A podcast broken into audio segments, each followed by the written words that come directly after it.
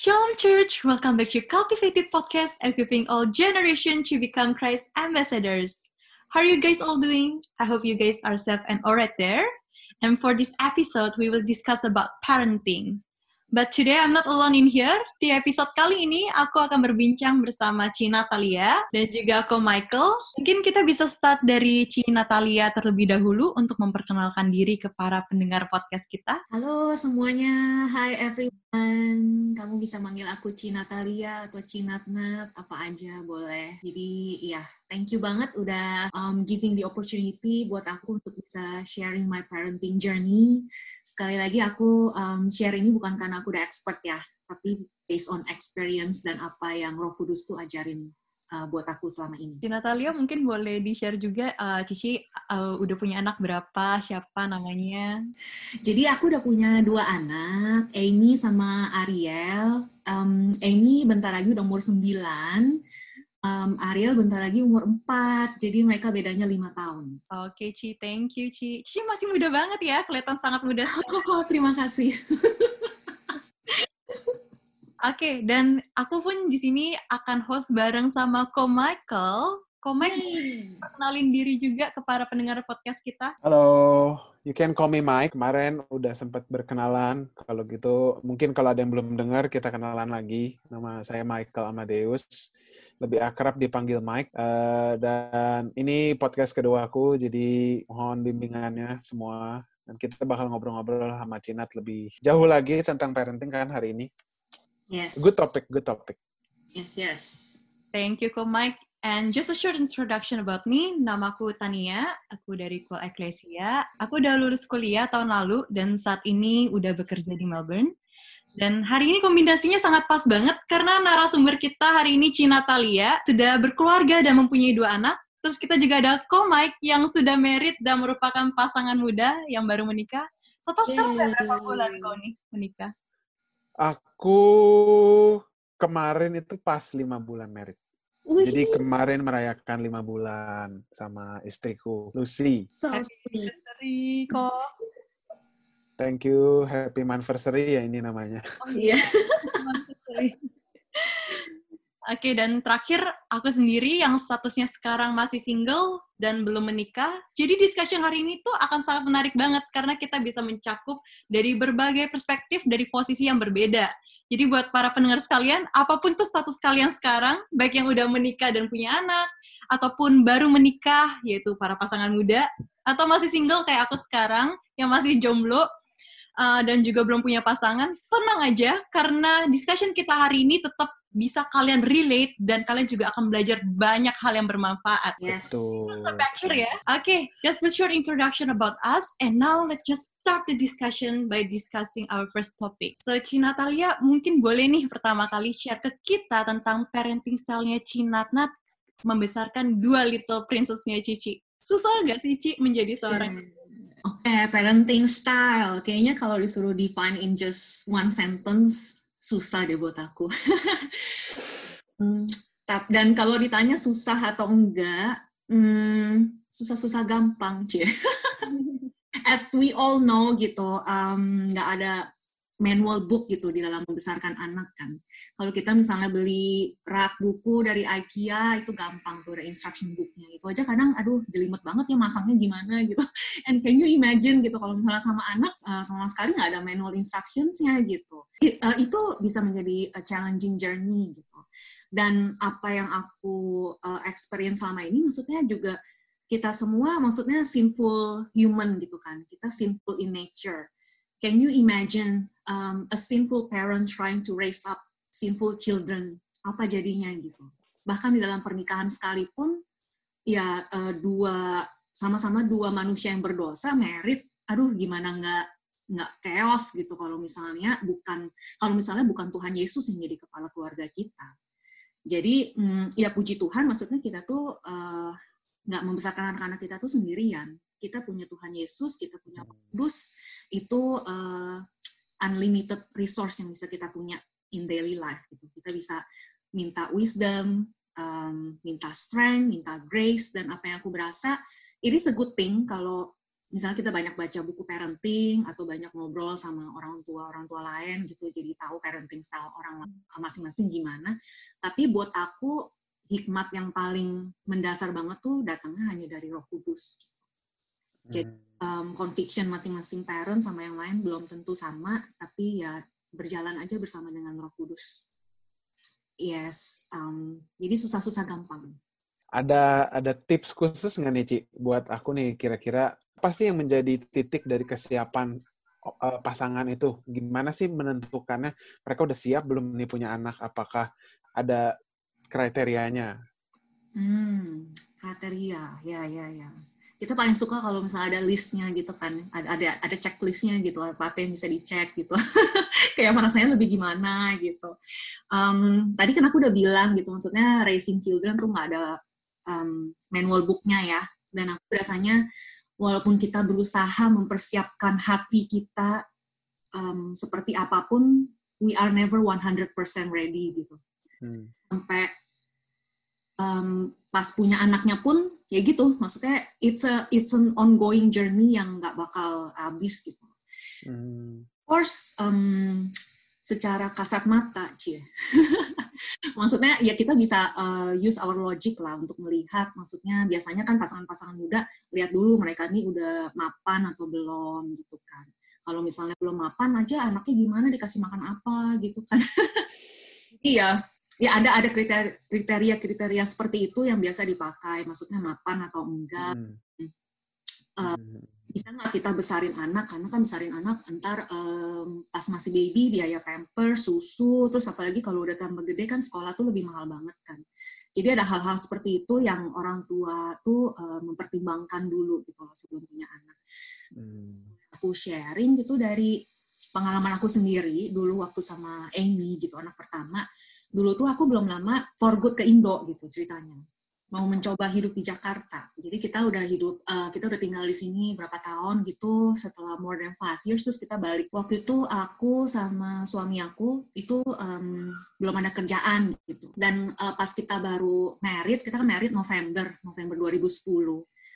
Nah, um, terus kita kayak doa gitu, kayak Tuhan kapan ya, maksudnya um, punya anak yang waktunya yang tepat tuh kapan gitu terus karena kita belum punya kerjaan jadi ya orang-orang sekitar kita juga bilangnya nggak usah cepet-cepet lah gitu. Kan kalian juga masih nyari kerja gitu.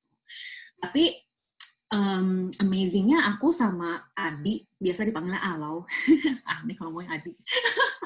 Ya aku sama Alau tuh sama-sama doa kan. Terus dapatnya tuh sama gitu. Maksudnya kalau Tuhan tuh mau berkatin kita sama anak anak itu kan berkat maksudnya kenapa kita tuh nolak? Bahkan waktu itu kan kita baru pulang baru uh, pulang Indo belum ada mobil gitu. Kita waktu itu mau beli mobil kan. Terus kayak Roh Kudus tuh ngomongnya kayak spesifik banget uh, coba kalau kamu tuh mau dikasih mobil gitu. Hmm, mana mungkin kamu nolak? Ini anak gitu loh. Anak tuh kan ya lebih berharga daripada mobil gitu. Tapi kaget banget ternyata pas kita udah pikir uh, oke okay, kayaknya oke okay, dia punya anak. Eh ternyata cepet banget kayaknya nggak tahu deh kayaknya nggak nyampe sebulan men. Gila kaget banget. Aku inget banget pas aku tes positif aku kaget sampai aku nangis. Aku lagi ngepel dong.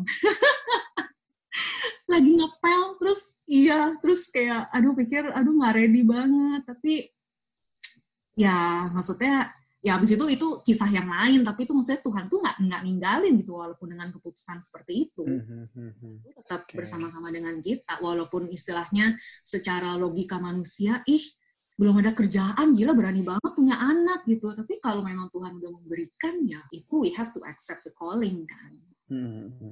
tapi gimana ya bisa jadi confidence gitu sih kan uh, posisinya saat itu kayak apalagi tuh anak pertama kan ya kaget apalagi nah, ya. sampai nangis banget ya. uh, mungkin kagetnya karena kita berasa kitanya belum siap, tapi kita mm. udah namanya dikasih, kita harus tetap confidence, tetap harus maju. Itu gimana Cici, Cici bisa ngadepinnya? Ya, uh, maksudnya kita kan uh, udah mengikut Tuhan Yesus kan bukan cuman dari saat itu kan. Kita udah udah beberapa tahun mengikut uh, Tuhan, udah lahir baru. Kita tahu lah di masa yang lalu kalau Tuhan itu setia, kenapa sekarang nggak setia gitu. Dan sampai ke depannya kenapa juga Tuhan nggak setia gitu. Jadi ya um, our faith in following Jesus sih bilang itu impactful banget gitu di dalam kita. Hmm. Ya Tuhan pasti provide, Tuhan pasti equip kita kalau memang Tuhan udah kasih kita hmm. untuk punya anak. Ya. Oke. Okay. Terima kasih ya. Nanti kita sampaikan untuk setiap pasangan muda supaya dipersiapkan juga hatinya, dipersiapkan juga fisiknya untuk hmm. menangani anak kecil. Iya, ngomong-ngomong soal fisik, aku baru inget nih, uh, kalau sama Ariel ceritanya, mereka kan beda lima tahun kan. Nah, hmm. aku, aku juga udah bukan muda lagi, cie. kan udah muda cie gitu, udah lebih berumur. Tapi, nah ini kita kita lebih pakai logika nih sekarang ceritanya. Jadi maksudnya waktu kan kita baru pindah lagi ke Melbourne. Pas kita udah lahiran Amy, dia kita bawa Amy balik ke sini pas dia 15 bulan. Terus saat itu kita tuh masih numpang di rumah orang. Kita belum punya rumah sendiri. Terus habis itu pas sudah dua tahun tinggal di rumah orang, rent, terus kita punya rumah sendiri, terus masih apa ya pokoknya itu perjalanannya kayak belum siap lah buat punya anak kedua lagi gitu. Terus waktu itu juga kayak pikir, aduh sanggup nggak ya punya dua apa dua anak gitu di sini kan nggak ada itu nggak ada suster gitu bisa atau. Nah once again kita tuh come back to prayer gitu. Maksudnya aku sama Allah tuh sama-sama doa gitu. Aku inget pas ini umur empat tahun deh, mulai dari dia umur empat tahun kita tuh yang berdoa gitu, mulai cari kehendak Tuhan. Tuhan kapan nih uh, kita punya anak kedua? Kalau memang Tuhan mau kita tuh punya anak kedua. Hmm. Terus um, aku inget banget waktu itu lagi weekend, terus aku lagi di dapur, terus aku tiba-tiba um, Tuhan tuh ingetin gitu tentang Musa. Musa pasti panggil gitu untuk membebaskan bangsa Israel. Dia banyak banget excuse-nya gitu kayak aduh dia nggak bisa nggak mampu nggak nggak bisa ngomong apa segala macam gitu kan so aku pikir oh iya. Oke okay deh Tuhan gitu kan. Nah terus kalau dari different room datang ke dapur. Terus yang kayak bilang eh, eh aku baru renungan terus aku dapet ini. Ya kayak uh, apa aku lupa tentang apa apa exactly apa tapi message-nya tuh sama gitu. Maksudnya kalau panggil kamu for something kamu tuh kenapa banyak excuse bilang kamu tuh nggak ready nggak apa gitu. Padahal itu Tuhan yang panggil kamu gitu. Hmm. nah udah kan itu pas weekendnya. Terus pas minggunya um, ke gereja aku inget banget waktu itu lagi guest speaker bule aku lupa siapa. Tapi terus uh, kayak ada altar call kan terus aku maju ke depan aku maju ke depan terus uh, didoain gitu. Dan somehow kayak kayak Tuhan tuh kasih damai gitu loh. Kayak ya kalau um, ya maksudnya this is a calling gitu. Tuhan tuh panggil kamu untuk punya anak lagi gitu. Dan pas aku udah selesai um, gereja terus ngom terus Allah tuh kasih tahu tadi pas kamu tuh maju altar call kayak Roh Kudus tuh kayak gerakin dia untuk doain rahim aku. Kayak doain uh, ya supaya rahim Nana tuh uh, kuat rahim Nana tuh sehat gitu aduh aku sampai ya ini aku cerita kayak gini aja kayak berasa aduh Tuhan baik banget gitu. Maksudnya ya sehati lah gitu. Maksudnya bener-bener suami istri kayak Tuhan tuh ngomong sama banget sinkron banget message-nya kan. Mm. jadi yang pas sama Ariel sih istilahnya lebih lebih ready. Mm. tapi ya sama dua-duanya tuh calling. Nah Ci ngomongin tentang raise up anak Ci. Uh, ini kan banyak ya istilahnya parents tuh punya anak, mendidik anak, pengen banget nih anaknya sukses gitu loh di dalam kehidupannya. Istilahnya pengen menjadikan anak seorang anak yang berhasil nantinya di masa yang akan datang. Tapi juga di dalam hal yang sama, untuk melakukan itu kan mungkin kita harus memilih pendidikannya, mungkin kita harus memilih apa yang dia harus lakukan gitu loh. Dan kesannya tuh setelah melakukan itu, apa ya, istilahnya seperti yang mengontrol anak dan akhirnya ketika anak itu sudah besar dan sukses, uh, orang tuanya kan bangga pastinya gitu kan di dalam hatinya hmm. bangga dan mm-hmm. apakah itu bisa menjadi satu hal yang borderline sama yang namanya idolatry yang mengidolakan anak kita sendiri gitu loh dan mm. gimana kita taunya kalau anak kita tuh udah menjadi idol dalam kehidupan kita karena of course semua orang tua pengen ngelihat anak sukses dan semua yeah. orang tua pengen ngelihat anak berhasil dan nggak mungkin hmm. kan anak itu dibiarin aja ya udah terserah suka-suka lo belajar apa yeah. kayak sekolah apa kayak nggak mungkin gitu kan um, mungkin ya nggak usah sampai kayak misalnya di sekolah ntar uninya yang bagus apa segala macem tapi dari anak kita kecil pun misalnya gitu uh, anak kita masih umur 2 tahun eh tapi udah bisa A B C D E apa gitu sampai ke mana terus sampai udah hmm apa segala macam cie kayak kita tuh bangga gitu kan anak kita nih lebih uh, menonjol ada talent apa segala macam gitu kan. Tapi ya ini tuh pitfallnya gitu loh istilahnya. Karena aku berasa this is not only for a parent gitu maksudnya for every human kita tuh ada tendency to to uh, worship something gitu. Hati kita mm -hmm. banget gampang banget gitu untuk nyembah yang lain selain Tuhan mm -hmm. sinful nature kita gitu jadi kita tuh gampang banget untuk yang take apa sih take pride in something that we perform gitu, in something that we do. Even ya nggak usah dalam soal parenting, soal kerjaan, even uh, pelayanan aja gitu. Kita tuh bisa jadiin itu tuh uh, bikin kita feel good gitu loh. Dan hmm. something yang aku bilang sih sangat-sangat dangerous gitu. Human heart is dangerous. Makanya kenapa Amsal 4 ayat 23 bilang, jagalah hatimu dengan segala kewaspadaan. Bener-bener harus jaga tuh bener-bener tiap hari. Karena itu kayak sarang idol gitu istilahnya. Kayak sarang semut. Ya semutnya tuh idol gitu. Kayak berusaha uh, apa sih replace uh, Christ as our number one gitu. Aku berasa banget untuk topik ini karena um, aku share dari personal experience aku ya. Ini pas Amy kecil juga gitu, pas dia tuh baru umur 3 tahunan deh. Aku inget banget dia tuh anaknya keras banget dan semua teman-teman aku yang saat itu mereka pasti tuh masih inget ya ini tuh dulu anaknya tuh kayak jutek abis gitu ya mereka tuh inget banget gitu ini tuh jutek abis kalau misalnya ditegor sama orang yang apalagi yang dia nggak kenal dia tuh kayak pokoknya dijutekin deh kayak judes banget gitu kayak nggak mau yang ramah-ramah gitu dan apa aku inget banget satu season itu uh, it was a very challenging season gitu buat aku. Kayak dia udah mulai masuk kinder kan. Kadang tuh dia bisa pukul anak lain gitu, ngerebut barang anak lain. Dan aku inget banget, aku tuh tiap kali mau jemput dia pulang, aku tuh selalu deg-degan gitu nanti ini gurunya bakal ada ngomong apa nggak sama aku. Karena pernah, karena pernah ada kejadian pas aku jemput, terus gurunya bilang, ya tadi um, ini ada pukul anak lain, tuh anaknya cowok lagi. iya, terus kayak iya kayak pukul gitu, terus kayak orang tua orang tua anak ini ya nggak seneng gitu, gilit, serem banget nggak sih? ya, aduh bener-bener ya aku tuh sampai ya banyak nangis dan um, sampai uh, waktu itu mereka juga panggil dari konsel mereka ada panggil orang gitu untuk observe um, Amy gitu. Mereka uh, suspect um, saat itu Amy itu mungkin punya sindrom autis gitu. Ya karena ya ada beberapa kecondongan lah yang menurut mereka tuh ya Amy itu ada sindrom itu gitu. Dan aduh sebagai orang tua aku kayak sedih banget gitu loh. Aku inget banget aku sedih banget dan aku nangis dan aku sampai di mobil nyetir pulang tuh sampai aku bilang Tuhan kalaupun sampai Amy tuh autis aku tuh tetap sayang sama dia karena Tuhan tuh udah kasih Amy buat aku gitu. Ya aku ikutin aja prosedurnya maksudnya ada orang konsul dateng maksudnya amatin dia dan aku disuruh ke psikolog aku disuruh ke mana-mana. Which aku sebenarnya aku nggak aku nggak pergi sih karena waktu itu out of pocket gitu loh. Terus kayak aku sama Alau bilang enggak ini tuh cuman fase aja gitu maksudnya kenapa-napa gitu.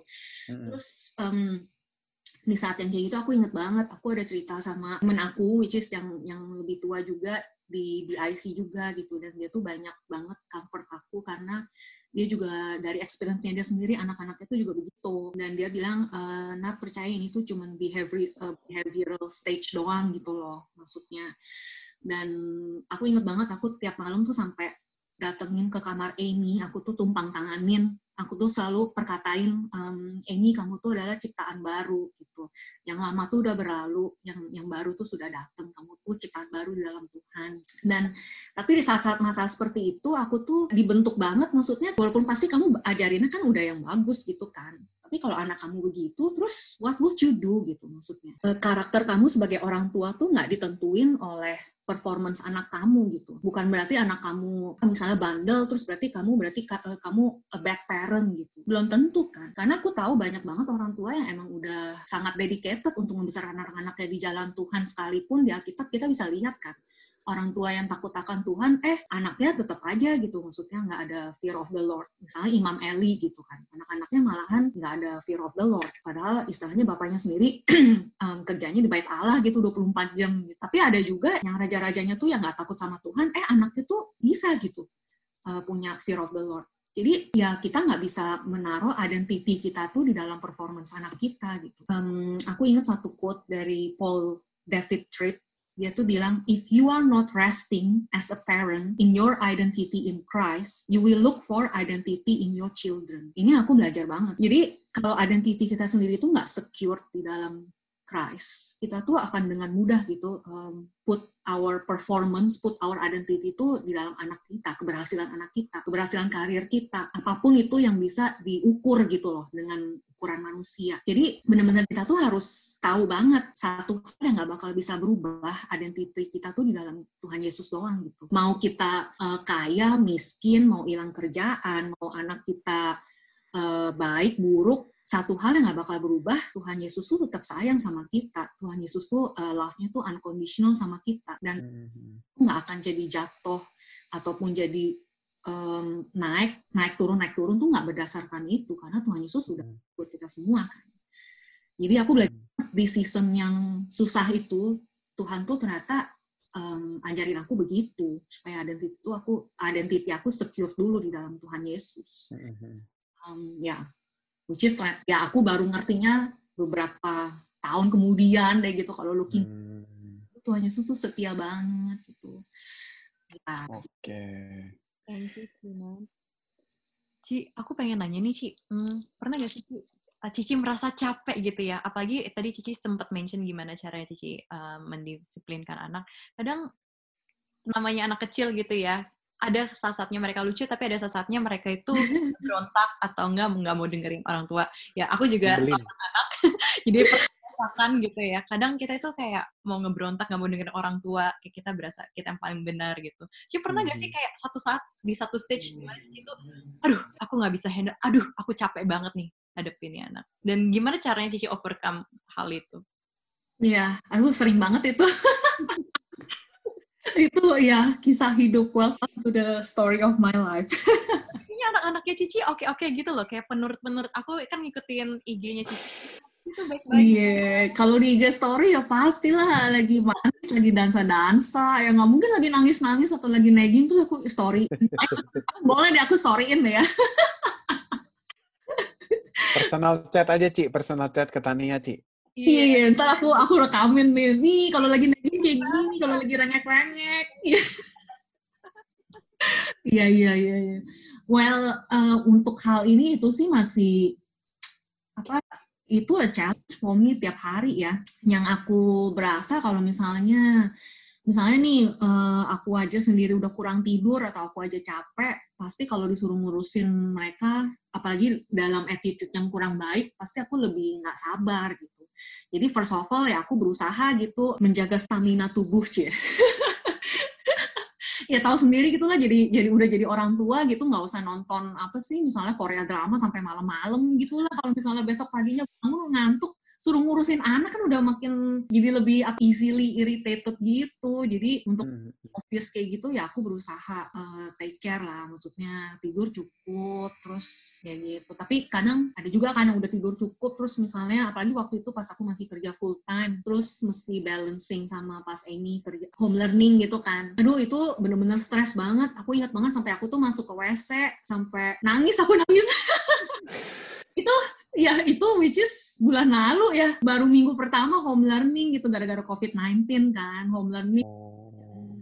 buru-buru terus aduh beneran kayak pressure here and there dan ya gitu aku sampai nangis Tuhan tolong berikan aku kelegaan gitu jadi ya itu masih hal-hal yang very challenging dan sekali lagi itu tuh harus jaga banget hubungan intim sama Tuhan tiap hari. Kita as a parent tuh harus benar-benar jaga itu. Uh, aku pernah baca buku terus dibilang apa ya, uh, mommy is a better mommy kalau dia tuh deket sama Tuhan Yesus gitu istilahnya gitu. gitu. Boleh nggak Cici okay. kayak dikasih satu contoh di mana Tuhan tuh menguatkan Cici gitu di saat Cici kayak lagi down banget, gimana sih kayak bukti nyatanya Tuhan tuh menyertai Cici gitu untuk bisa overcome hal-hal tersebut? Hmm, yang aku berasa banget firman Tuhan tuh selalu datang tepat waktu sih jadi buat aku, maksudnya aku udah ikut Tuhan lama, uh, buat aku tuh bukan kayak supernatural, misalnya denger suara apa gitu, tapi firman Tuhan tuh selalu yang nguatin aku di saat-saat seperti itu. Gitu. Ya, maksudnya misalnya apa, you can do all things through Christ who strengthen you gitu. Maksudnya itu bukan soal untuk mencapai yang muluk-muluk lah, tapi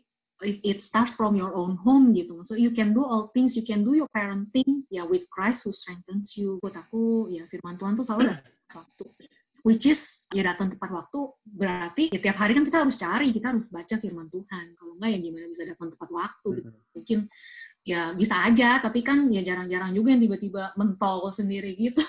Jadi kita juga harus actively cari Tuhan. Aku mau tanya untuk masalah hmm. disiplin anak sejauh apa sih parents boleh disiplin anaknya? Kayak mungkin kalau aku grow up belum tentu cara parenting parentingnya parentsku tuh benar gitu loh. Belum tentu hmm. juga uh, salah gitu loh. Tapi aku pengen tahu banget sejauh apa sih parents boleh mendidik anaknya. Apa pendapat Cici tentang kayak istilahnya mukul anak, memberikan hmm. didikan sampai se ekstrim itu gitu. Kalau dipukul, kalau misalnya uh, apakah prefer misalnya dihukumnya dengan cara dia berdiri kang ngadep tembok atau suruh tulis di buku dan hmm. atau dijewer bagaimana gitu Ci? Apakah physical itu direkomendasikan? Ya, ini um, juga personally challenging buat aku. It was especially harder in the past. So, ini masih jadi challenge juga buat aku. Tapi aku um, ya bilang maksudnya berkat kasih karunia Tuhan, uh, at least kayak intensitas kesusahannya tuh mungkin nggak sesusah dulu lagi gitu dibanding beberapa tahun lalu. Jadi kalau aku boleh sharing dikit, uh, dulu tuh orang tua aku besarin aku bener-bener pakai physical disiplin banget. Aku anak cewek sendiri,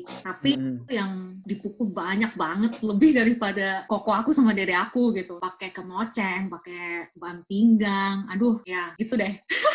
Itu kalau sama papi aku, papi aku uh, use physical discipline. Kalau sama mami aku, dia dulu sih aku nggak ngerti, tapi kalau sekarang kan udah ada termsnya gitu, misalnya emotional abuse atau apa gitu. Mami aku tuh bisa yang tipenya yang kayak bilang, mami tuh nyesel punya anak kayak kamu. Bisa bilang kayak gitu. Uh, uh, mami nyesel punya uh, anak kayak kamu. Atau gitu, mami nggak nggak punya kamu gitu. Uh, jarak kamu sama pokok pokok kamu akhirnya kan cuma beda setahun gitu. Bilang kamu tuh bedanya terlalu deket gitu. Mami tuh belum cukup kasih sayangnya ke koko terus kamu udah ada. Jadi mungkin lebih yang kayak pakai shame guilt gitu loh. Jadi bisa kebayang nggak sih aku tuh di race selama belasan tahun di dalam situasi keluarga yang kayak gini? Dan walaupun aku udah kenal Tuhan gitu tapi ini tuh kayak istilahnya excess baggage yang aku tuh masih carry gitu. otomatis pas especially on my early years of parenting apalagi sama Amy gitu kasihan Amy yang kena.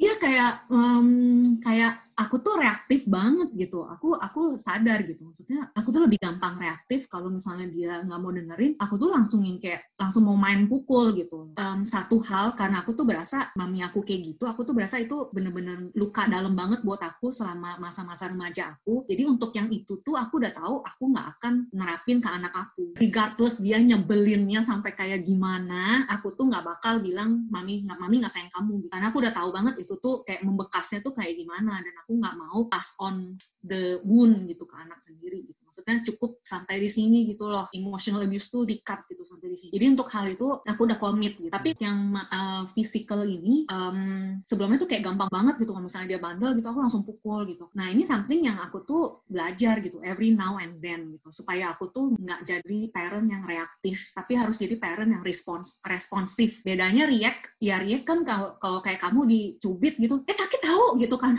kalau nggak langsung balik mukul gitu kan. Tapi try to aku tuh berusaha kayak aduh diam dulu deh berapa detik even sampai beberapa menit gitu. Ya jangan kebawa emosi gitu lah untuk tahan dulu gitu. Dan kalau misalnya sampai uh, sampai apa kayak di challenge terus kan kayak misalnya nagging terus dikasih tahu di warning nggak mau berhenti. Nah aku sama Halal tuh pakai ada penggaris gitu. Dia cuma ambil penggaris gitu ya kamu nggak mau denger ya? Ini ya pukul ya gitu.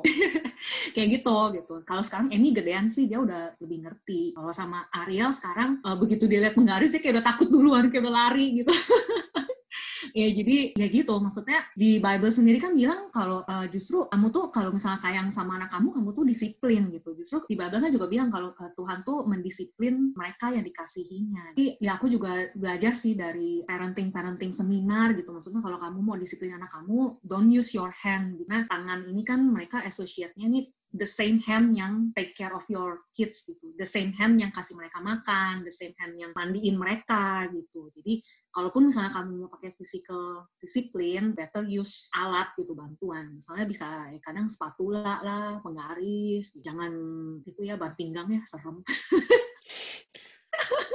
kapok gitu tapi disiplin boleh-boleh aja tapi you know it's not from emotion ya not mm -hmm your anger, apalagi sampai out of hatred gitu. Karena itu udah pasti kamu tuh cuma disiplin anak sebagai pelampiasan emosi kamu. Tapi the hmm. purpose of disiplin tuh supaya anak itu bisa berbalik ke jalan yang benar. Oke. Okay. Luar biasa. Terima kasih insight-nya ya, Ci. By the way, aku ada pertanyaan lagi nih, Ci. Yeah. Kalau tadi kan kita ngomongin soal disiplin, soal yang ya yang kurang enak mungkin buat buat buat anak-anak. Tapi ini nih kita bakal coba tanya uh, untuk yang anak-anak tuh suka tentang reward. Seberapa sering sih kita boleh reward anak kita kalau mereka misalnya uh, doing a good job gitu, doing well in their studies, doing well in what they do dan obey the parents how far can they uh, can we reward them supaya jangan sampai uh, mereka tuh punya perceive apa di dalam otak mereka mereka perceive bahwa kalau gue doing a good job uh, gue pasti dapat reward gitu jangan sampai hmm. nanti ketika mereka grow in faith mereka menerapkan hal yang sama kalau gue do things for God God will give me something gitu loh bagaimana hmm. sejauh apa kita boleh reward anak kita hmm.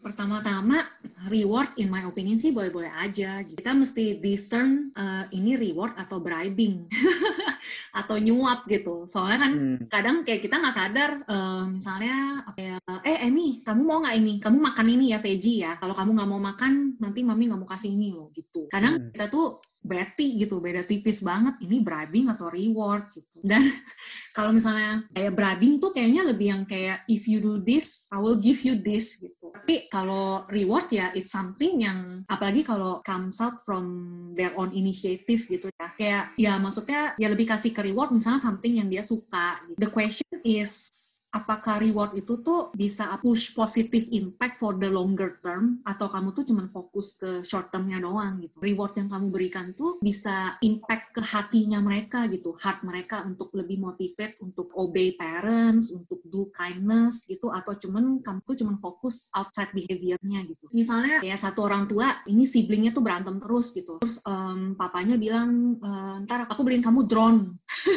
atau kamu beliin toy apa gitu yang keren. Tapi kamu nggak boleh berantem sama dedek kamu gitu. Nah terus kayak anak itu asik nih entar mau dibeliin itu. Jadi selama beberapa minggu tuh bener-bener baik banget sama dedeknya gitu. Sampai akhirnya dibeliin drone. Eh begitu dibeliin drone, begitu lagi gitu. Kan ternyata nggak efektif gitu. Pinter gitu. Pertama kamu misalnya kasih dia permen gitu. Eh lama-lama permen nggak cukup. Kayaknya mau mainan deh, mainan yang lebih keren gitu. Eh, nggak cukup lagi gitu. Maksudnya, we know it's not effective gitu. Jadi benar-benar butuh wisdom. Maksudnya ya itu tuh kita tuh fokus ke merubah hati mereka atau cuman rewarding outside behaviornya doang. Maksudnya Alkitab sendiri kan semua yang kita lihat di Alkitab tuh maksudnya ketaatan tuh selalu membawa berkat gitu. Obedience always bring bring blessings gitu dan itu tuh lebih karena buahnya dari apa yang kamu lakuin the fruits of your action gitu. Apa yang kamu tabur itu yang kamu tuai. Jadi supaya ya mereka tuh tahu memang kalau mereka do ya konsekuensinya uh, ya itu uh, that obedience will bring something yang bless their own life itu sih. Natali, okay. aku pengen nanya nih Ci, gimana ya hmm. caranya Cici itu bisa memperkenalkan uh, tentang Tuhan Yesus atau memperkenalkan tentang Christianity ke anak-anaknya Cici? Dari mulai umur berapa dan juga gimana caranya Cici pertama kali bisa menyampaikan tentang kabar Tuhan Yesus ke anak-anak? Beda beda umur emang beda caranya gitu ya. Cuman dari kecil uh, mereka kan maksudnya benar-benar 24 hours sama kita. Mereka tuh learn by doing gitu loh. Kayak mereka tuh lihat apa yang ada di depan mata mereka itu tuh speak louder daripada kamu bilang, eh kamu baca Alkitab ya gitu. It speak louder to them pas mereka tuh lihat, oh papa sama mamanya tuh setiap hari tuh baca Alkitab gitu. Benar-benar uh, ada kasih waktu buat baca Alkitab buat nyembah Tuhan. Itu tuh speak louder dan ya kamu tuh suruh-suruh mereka gitu. Dan apalagi sampai yang kayak cuman misalnya menyerahkan tanggung jawabnya ke Sunday school teacher gitu ya apa? Ya maksudnya itu our own responsibility as the parent gitu. Itu bukan tanggung jawab dari school teacher atau guru-guru lainnya. Even kalau anak-anak masuk ke sekolah Kristen sekalipun ya. Gitu. um, ya itu tuh harus di welcome as part of our daily life. Ya bisa mulai dari misalnya kayak sumuran Ariel biasa kayak apa den kasih dengar lagu-lagu yang anak-anak Sunday school gitu terus uh, mulai ceritain basic gospel banget sih kayak ya uh, Jesus died at the cross for you gitu because he loves me. Kayaknya kalau sumur Ariel aku yang lebih ngerti, uh, lebih lihatnya tuh dia tuh lebih yang baru mengerti konsep oh ya Jesus love me Jesus love me gitu kan karena lagunya Jesus love me this I know gitu kan. Nah kalau udah mulai seumuran Amy um, aku perhatiin kayak mulai umur 6 kali ya dia tuh mulai ngerti kenapa kenapa Jesus tuh mati uh, at the cross for us gitu dia tuh bisa lihat oh ternyata ada dosa dia tuh lebih ngerti udah udah lebih ngerti konsep of sin dosa tuh apa gitu dan kenapa Tuhan Yesus tuh harus harus mati gitu. Ya, jadi beda fasenya sih. Hmm, thank you Ci udah sharing ini. And terakhir kita udah ke pertanyaan yang paling terakhir yaitu dari Cinatali nih. Sebagai penutup apa sih Ci arti menjadi orang tua untuk Cici personally? Kita tuh jadi ambassador to our own children. Karena sejak aku menjadi orang tua, aku tuh lebih ngerti banget seperti apa Bapak di surga tuh mengasihi aku ternyata selama ini. Maksudnya ya aku tahu, oh iya Bapak di surga tuh care sama aku, tapi aku tuh lebih bisa grab the the meaning gitu, lebih bisa ngerti setelah aku menjadi orang tua. Kayak hmm. Bapamu bapamu di surga maksudnya tidak akan memberikan yang buruk itu buat kamu. Maksudnya even bapak di dunia ini kalau misalnya anaknya butuh roti kan nggak mungkin pastinya batu gitu. Dan aku tuh berasa banget maksudnya ke ini sama Ariel even dari mereka minta sesuatu yang baik pun aku tuh udah sediain gitu loh buat mereka. Dan kalaupun mereka minta something yang sebenarnya nothing strong in it gitu maksudnya misalnya minta sepeda gitu kan itu nggak bukan berdosa kan. Tapi aku tuh sebagai orang tua bisa lihat belum waktunya gitu. Tuh uh, bakal beliin mereka itu gitu. Jadi lebih bisa melihat oh Bapak di surga tuh seperti ini mengasihi aku selalu mempersiapkan yang even yang aku belum minta sekalipun yang belum aku imagine Tuhan tuh udah sediain semuanya. Dan kalau misalnya ada yang aku minta dan Tuhan tuh misalnya jawab enggak atau nanti dulu he has the best reason gitu. Yang nggak belum tentu kita tuh bisa ngerti gitu kayak kamu to explain ke Amy sama Ariel kenapa nggak boleh sekarang? Kenapa kenapa nggak nggak boleh mami? Gitu kan. Kayak you try to explain tapi mereka nggak bisa gitu nggak bisa melihat ke situ nggak bisa melihat intentionnya tuh apa. Cuma melihatnya ya kok nggak dapet? Gitu apa yang jadi ya aku lebih bisa mengerti bapak di surga seperti apa hatinya setelah aku tuh punya anak. Thank you Cina. Hari ini aku bener-bener belajar banyak banget dari Cina. Walaupun belum belum berpasangan, tapi aku bener-bener kayak berasa ini suatu hal yang sangat baik banget. Aku udah satu langkah lebih maju hari ini untuk belajar, untuk menyiapkan diri untuk menjadi orang tua. Hmm. Kok Mike sendiri gimana nih hari ini? Um, thank you banget Cinanat, ya, banyak sama. mempersiapkan saya dan pasangan saya di hari yang akan datang untuk punya anak. Di, yeah. biar di waktu Tuhan ya kita punya anak. Tapi terima kasih untuk knowledge dan insight-nya. Hari ini belajar banyak juga. Masih Thank you. Ditanyain lagi gak kok? Ada yang kayak mungkin buat mempersiapkan lagi gitu? Wah, kayaknya tadi Cinanat udah banyak banget outline pertanyaan-pertanyaan yang sebenarnya pengen ditanyain, eh dijawab sama Cinanat. Jadi mungkin udah terjawab semua deh pertanyaan-pertanyaan di dalam pikiran dan hati saya. Hmm. Oh, ada satu hal lagi. Ini juga quite significant gitu. Maksudnya kita sebagai parent jangan mikirkan parent have to be able to do it all gitu. Kita harus bisa semuanya mm -hmm. gitu. Tapi jangan lupa, it's a good thing kalau kamu tuh merasa kamu nggak bisa gitu. It's a good thing kalau kamu tuh merasa kamu nggak bisa jadi orang tua yang baik, kamu kurang sabar, kamu kayaknya kurang ngertiin anak kamu atau gimana. And aku percaya banget, se, uh, maksudnya mami-mami yang lain pasti sering banget gitu uh, merasakan mom guilt gitu. Kayak kita tuh merasa kita belum memberikan yang terbaik buat anak-anak kita.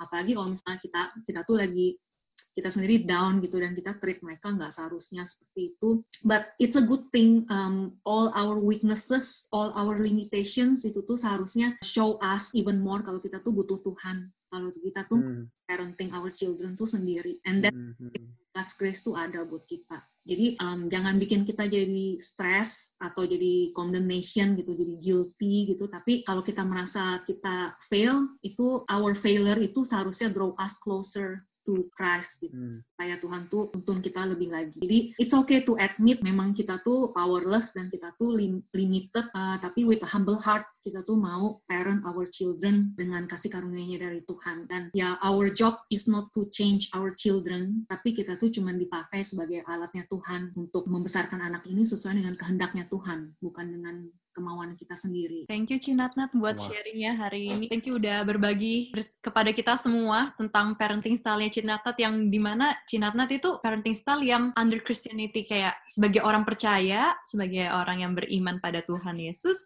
bagaimana cara Cici membesarkan uh, kedua anak Cici. Dan semoga ini bisa bermanfaat buat kita semua bagi siapa pun, bagi kalian yang udah menikah, ada punya anak, bagi kalian yang pasangan muda, ataupun yang kayak aku yang masih belum berpasangan juga, ini hari ini kita sudah belajar satu hal yang baik, satu hal yang baru. Thank you buat Cinatnat, buat waktunya, buat sharingnya juga. Sama-sama, terima kasih. Thank you. Thank you, Cinat. Ya.